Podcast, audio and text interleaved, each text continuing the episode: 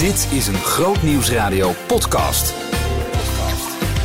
Week 47 is het, de tweede week van publieke verhoren in het afzettingsonderzoek van president Trump. Dat pensioenennieuws, dat is nog wel een dingetje. Hoe zit dat nou precies? We zochten het voor je uit. En Maradona zag ooit de hand van God. Maar bij ons zat iemand die hem heeft gevoeld. Groot Nieuwsradio podcast. Met Maurits Reinoud. Trump heeft het zwaar, dat blijkt wel uit zijn eigen Twitterfeed. Er is een heksenjacht tegen hem gaande. En die heksenjacht krijgt vorm in het afzettingsonderzoek. Deze week was de tweede van publieke verhoren.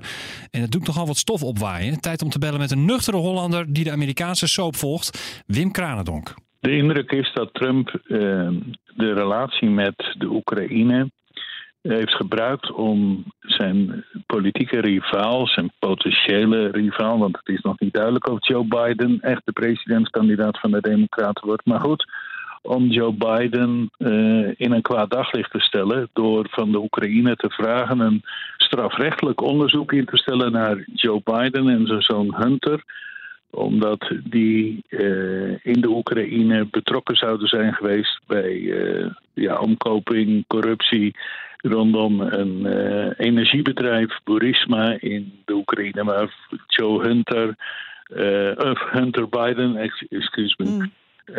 de lid van het, de Raad van Commissarissen was geweest.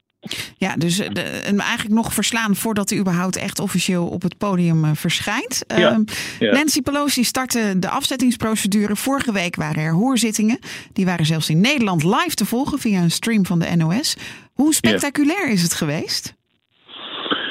Ja, de verwachtingen waren heel hoog. Met name van de eerste getuige die was opgeroepen, Bill Taylor. En ach, als je terugkijkt moet je zeggen, het valt allemaal nog wel mee. Het is eigenlijk veel Amerikanen, ook democraten, wat tegengevallen wat er uiteindelijk uitkomt. Wat Taylor zei was vooral informatie van horen zeggen.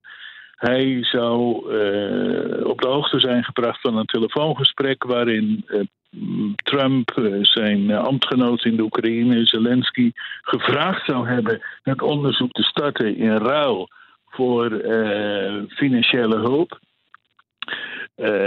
en wie terugkijkt moet zeggen, het valt allemaal nog wel mee. Het is, althans in die zin, het is niet overtuigend tot op heden. Ja, en, en van meet af aan werd ook gezegd: de kans van slagen is klein bij deze procedure. Is die conclusie na de verhoren van afgelopen week ook nog hetzelfde? Ja, de vraag is waar je naar kijkt natuurlijk. Kijk je naar de kans van slagen, dan weet iedereen dat de impeachmentprocedure door de Senaat uiteindelijk zal moeten worden goedgekeurd en geëffectueerd. En daar hebben de Republikeinen de meerderheid. Het valt niet te verwachten dat er veertien uh, republikeinen met de democraten zouden meestemmen om de benodigde meerderheid te krijgen. Uh, tegelijkertijd is de vraag, wat komt er op tafel? En uh, tot op heden is bewijs nog maar mager.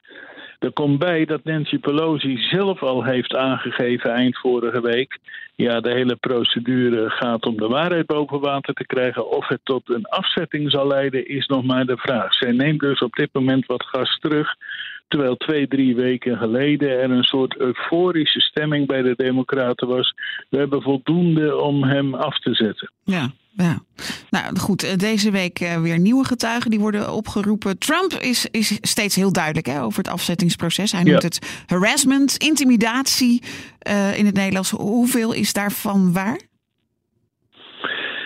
Ja, je moet wel zeggen dat Amerika op dit moment ontzettend verdeeld is. Dat is het onderscheid met de vorige impeachmentprocedure, bijvoorbeeld tegen Richard Nixon.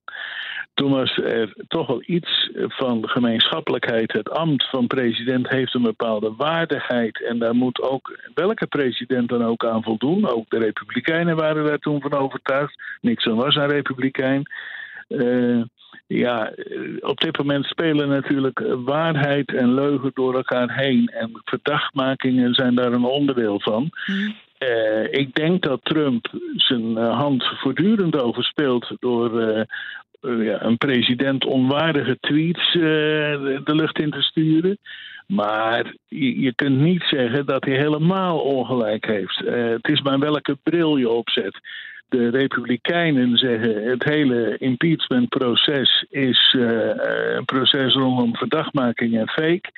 Maar uh, ja, de Democraten die zeggen uh, het is allemaal waar. En daar heeft visie en de bril die je opzet ook een belangrijke rol in. Ja, nou, Dus dat, dat is zeker... Trump heeft niet helemaal ongelijk, denk ik. Ja, goed. Nou, de- ik zei het al deze week, eh, eh, eh, nieuwe, nieuwe getuigen. De- hoe, hoe, gaat dit, wordt, hoe wordt dit uiteindelijk afgerond?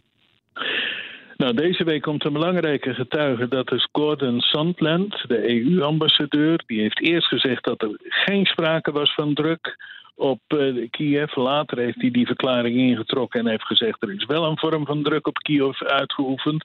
De vraag is wat hij deze week voor de inlichtingencommissie tijdens het publieke verhoor gaat zeggen.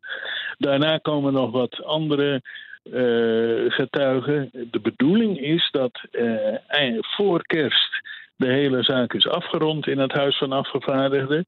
Verwacht wordt dat de Democraten daar gaan instemmen met een afzettingsprocedure.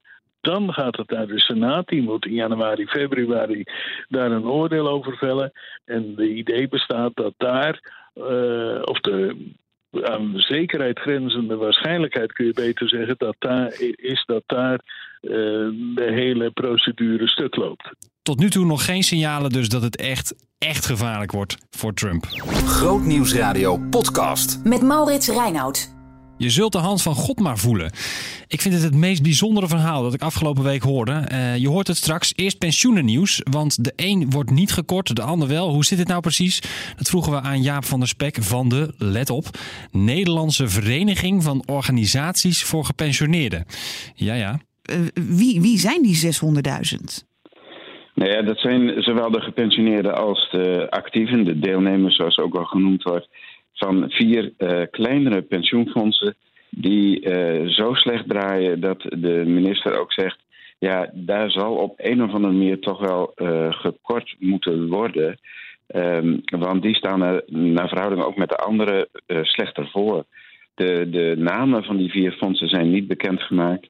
En dat is ook wel logisch, want eventueel moeten ze ook nog de kans kunnen krijgen wel eh, op 31 december weer op niveau te zijn. Ja. Nou, zolang dat niet is, is het ook lastig om namen te noemen. Ja, nou, het, het, het zijn dus veel minder mensen geworden. Eh, is dat goed of slecht nieuws? Het uitstel dan, hè? Nou ja, eh, het is in ieder geval, eh, eh, als je het over die 600.000 hebt, is het, eh, is het minder goed nieuws. Voor al die anderen is het goed nieuws. Eh, maar toch, ook voor die vier, is het nog, eh, nog een beetje goed nieuws omdat zij eh, worden gekort tot 90% van de dekkingsgraad. En dat is veel beter dan, eh, dan tot nu toe. Dat ze hadden moeten korten tot 100% of 104% eh, dekkingsgraad. Ja. Dus ze zijn wel beter af. Mhm. Alleen, het doet wel pijn. ja. Wat betekent dit voor mensen die nog 20, 30 jaar moeten werken en dan met pensioen gaan? Ja, het is een, een beetje een lastig verhaal. Maar gepensioneerden merken dat met één. Maar mensen die eh, werken en pensioen opbouwen, die merken het pas als ze met pensioen gaan, dat in de loop van de opbouw van hun pensioen dat allemaal een stuk lager is geworden. Als er moet worden gekort, betekent het voor de mensen die tot 20, 30 jaar voor hun pensioen zitten, dat zij eh, rekening moeten houden met een veel minder grote opbouw dan anders het geval zou zijn. Dat is het slechte nieuws. Op het moment dat het pensioenfonds weer op niveau staat, eh, heb je kans dat er dan ook weer kan worden geïndexeerd en dat ze weer een beetje extra aan het opbouwen zijn. Maar de pijn ehm, wordt, kijk, korte mag je voor gepensioneerden uitsmeren over tien jaar. Dat doen de pensioenfondsen over het algemeen niet, maar het mag wel.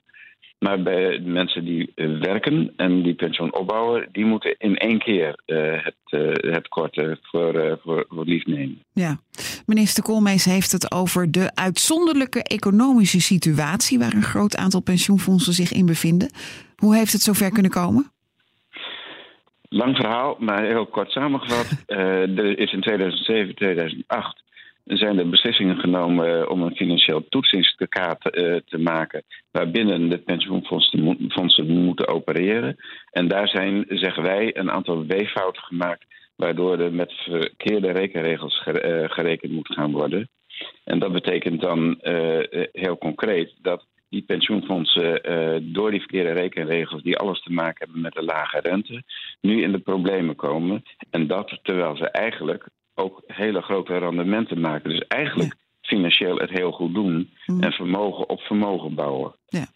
Dat, uh, en dan het plan om het vervroegd uitreden weer mogelijk te maken vanaf 1 januari 2021. Wat, wat is de gedachte daarachter? Nou ja, er is natuurlijk een langdurige discussie al over de vraag hoe je mensen die zware beroepen hebben tegemoet zou kunnen komen. En dit is een van de mogelijkheden om te proberen in speciale fondsen waar veel mensen met zware beroepen zijn, de mogelijkheid te bieden om wat eerder met uh, pensioen te gaan. Maar dat moet verder allemaal nog uitgewerkt hoe dat dan het beste kan en bij welke fondsen en wie dan uiteindelijk verantwoordelijk is voor hoe ze het gaan invoeren. Ja, en, en of het wel of niet gunstig is. Dat, dat is de grootste vraag, toch? Ja, als je vervroegd uh, met pensioen gaat, betekent dat dat per saldo uh, wat minder pensioen per maand zal worden uitgekeerd. dat is dan, zou je kunnen zeggen, een beetje een doekje voor eigen bloeden. Maar in de onderhandelingen tussen werkgevers en werknemers moet getracht worden uh, te kijken naar hoe dat dan dat, uh, zou kunnen worden gecompenseerd. Maar daar zijn we met elkaar nog niet uit. Jaap van der Spek in de Nieuwe Morgen van donderdag. Grootnieuwsradio podcast. Met Maurits Reinoud. En je zult de hand van God maar voelen. Dat is bizar. Bij Eunice in Brandstof zat iemand die het echt mee heeft gemaakt, zegt hij zelf. Iedereen is er welkom, maar dan ook echt iedereen. Jong, oud, gelovig, niet of anders gelovig. Ik heb het over de Schaapsport in Almere. Een wijkgemeente die wordt gerund door Mark en Marianne Zelderust. En vanochtend is Mark te gast om, eh, eh, om jou te vertellen hoe eigenlijk deze roeping tot stand is gekomen. Mark, goedemorgen. Een hele goede morgen. Je mag een heel stuk dichter bij de microfoon komen. Ja, heel goed. Een hele goede morgen nogmaals. Ja, precies, dan horen we je goed. Je bent wijkpastor, maar ook um, evangelist. Altijd al gedacht dat te worden? Uh, ja, altijd al wel gedacht dat ik ooit fulltime iets voor de Heere God zou gaan doen. Mm -hmm. uh, of dat dan evangelist is, of dat het wat anders is. Uh, ja, dat lag altijd wel een beetje in het midden. Ja, en ik heb ook begrepen dat er iets bijzonders gebeurde al op hele jonge leeftijd. Uh, ja, dat klopt. Uh, ik heb dat niet uh, altijd geweten, maar mm -hmm. later heb ik dat gehoord. En dat het voor veel mensen een indrukwekkend moment is geweest. dat toen ik geboren werd, mijn opa, die ook een evangelist was, mij uit de wieg nam en zei: Hier ligt een jonge evangelist. En schijnbaar zei hij dat op zo'n manier dat daar ja, kracht van uitging. Mensen het idee hadden dat het ook zo was. Wauw. Dus toen het zover was, uh, zeiden heel veel mensen: ja, we zijn niet verbaasd. Want. Uh, Enig idee waar je opa dat dan zag? Had jij zo'n open, vriendelijke blik als baby? Ik heb uh, geen idee. Mijn opa is ook overleden toen ik nog heel jong was. Ik was nog maar een jaar oud. Dus ik heb mijn opa zelf nooit bewust gekend. Mm -hmm. Dus ja, ik weet niet uh, hoe dat precies geweest is. Hij had wel gelijk. Uh, ja. Hoe ben je eigenlijk zelf tot geloof gekomen? Uh, ja, het is vooral een proces geweest. Uh, ik ben in een gelovig gezin opgegroeid. Mijn ouders waren en zijn een voorbeeld voor me in het geloof en in het leven van hun geloof. Dus dat heeft altijd wel bij mij positief gewerkt. Maar ook wel een eigen zoektocht gehad. Uh, ja, waarin ook wel weer wat markeerpunten zitten. Waarvan ik zeg, hé, hey, toen, ja, dat is bijzonder geweest. Ja, kun je zo'n moment noemen? Uh, ja, ik denk een van de grote momenten is geweest toen ik in, uh, aan het einde van mijn tiende tijd, denk ik, toen ik een jaar of 19 was, uh, eigenlijk voor mezelf de conclusie trok: het kan gewoon niet waar zijn. Ik kan het gewoon uh, niet geloven dat God bestaat, dat de Bijbel het woord van God is. En, en ik heb daarin een hele zoektocht gehad. En hoe kwam dat? Was dat puur omdat je het verstandelijk niet kon beredeneren? Ja, het was vooral een uh, verstandelijk iets, denk ik. Dat ik denk, nou ja, ik merk dat niet, ik voel dat niet, ik ervaar dat niet. En als ik er feitelijk naar kijk of wetenschappelijk, ja, dan kan ik het ook eigenlijk gewoon niet meer geloven. Dat bestaat gewoon niet, dat het waar is. Hm. En ik heb een moment gehad dat ik achter mijn bureautje zat op mijn kamer. En dat ik uh, tegen God zei: Ik ga nog één keer uit de Bijbel lezen. Ik ga nog één keer bidden. En uh, ja, wat mij betreft was dat het dan. Dus ik leg het nu bij, bij u neer, mocht u toch bestaan. Dan moet u dat laten merken. En ik heb nog een stukje gelezen. Ik zou niet meer weten wat. Ik heb nog een gebed gedaan. Ik weet ook niet meer wat. Wat ik wel weet is dat toen ik mijn Bijbel dichtsloeg, dat ik merkte dat uh, iemand mijn hand vastgreep.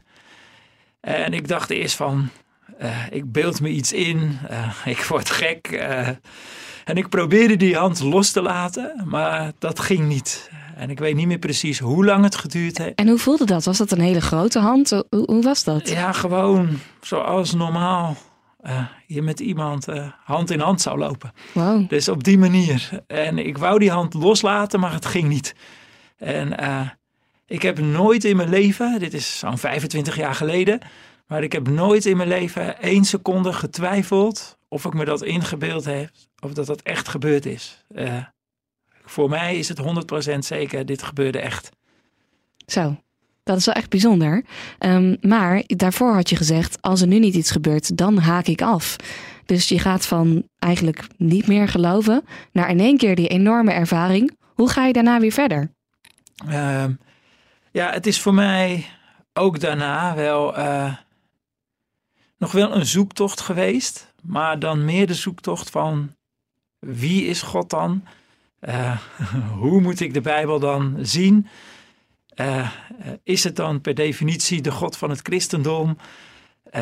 Dat soort dingen. Maar nooit meer de twijfel, is er een God? Is er meer dan ik kan zien? Is er meer tussen hemel en aarde? Ja, daarvan was ik wel overtuigd op dat moment. Ja, er is iets, er is meer. Hmm. En eh, ik moet daar weer naar op zoek. Het hele gesprek is terug te luisteren via de website. Komende week op Groot Nieuws Radio. Ja, wat gaan we doen? Nou, dit. Welkom in de Groot Nieuws Radio Vriendenweek. Wil jij onderdeel zijn van een positief christelijk radiogeluid in Nederland? Komende week gaan we op zoek naar 500 nieuwe vrienden. En daar beginnen we alvast mee zaterdagavond tijdens het Feest van Geloof. Maar in de komende week roepen we luisteraars op om ons eh, als christelijk radiostation te steunen. We krijgen geen subsidie of iets dergelijks. Dus we zijn helemaal afhankelijk van mensen die ja, ons willen steunen met een gift, een maandelijkse gift. En als je nou zit te luisteren, voeg meteen even de daad bij het woord, zou ik zeggen. Ga naar grootnieuwsradio.nl slash vriend en kom vandaag nog bij de club. En volgende week dus de hele week, ja, hele bijzondere momenten. Er komen vrienden bij ons langs in de studio. En eh, ja, eh, we hebben mooie prijzen om weg te geven. Dus luister sowieso. En je kunt ook natuurlijk heel, heel even nog wachten met vriend worden. Dan eh, maak je volgende week in ieder geval kans op leuke, leuke attentie.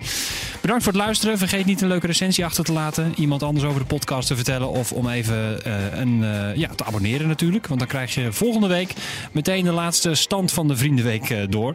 Dus ik zou zeggen, tot dan. Behoefte aan meer? Grootnieuwsradio.nl slash podcast.